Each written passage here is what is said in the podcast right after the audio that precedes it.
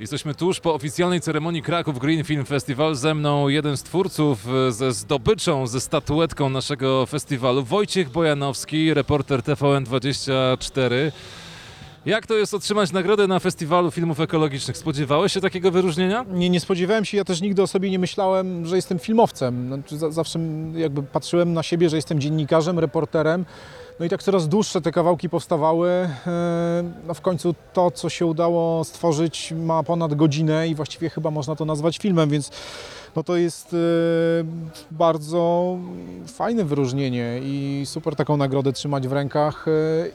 Myślę, że też ten festiwal to jest e, rzeczywiście bardzo ważna i fajna inicjatywa, bo ja jestem przyzwyczajony do tego, że w newsach, w informacjach mówimy o tym, co dzieje się dzisiaj, co jest aktualne, a niekoniecznie o tym, co jest ważne i co może jakoś ukształtować nasz świat tak, jakim on będzie za, nie wiem, 10, 20, 30 lat.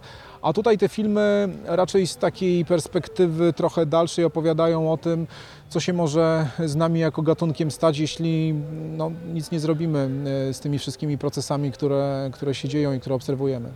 Co do przyszłości, możesz zdradzić nadchodzące projekty, czy lockdown, pandemia zmienia absolutnie plany na 2020 Wojtka Bojanowskiego? Nie, nie zmienia i myślę sobie, że taka rzecz, nad którą pracujemy już od bardzo, bardzo długiego czasu, zdecydowanie za długo pracujemy, e, będzie miała szansę się tu pokazać, bo e, tematyka jest zdecydowanie adekwatna. Nie zdradzisz nic Nie więcej. zdradzę. To pozostanie tajemnicą do kolejnej edycji Kraków Green Film Festival. Bardzo dziękuję za Dziękuję obecność na ślicznie. dzisiejszej gali.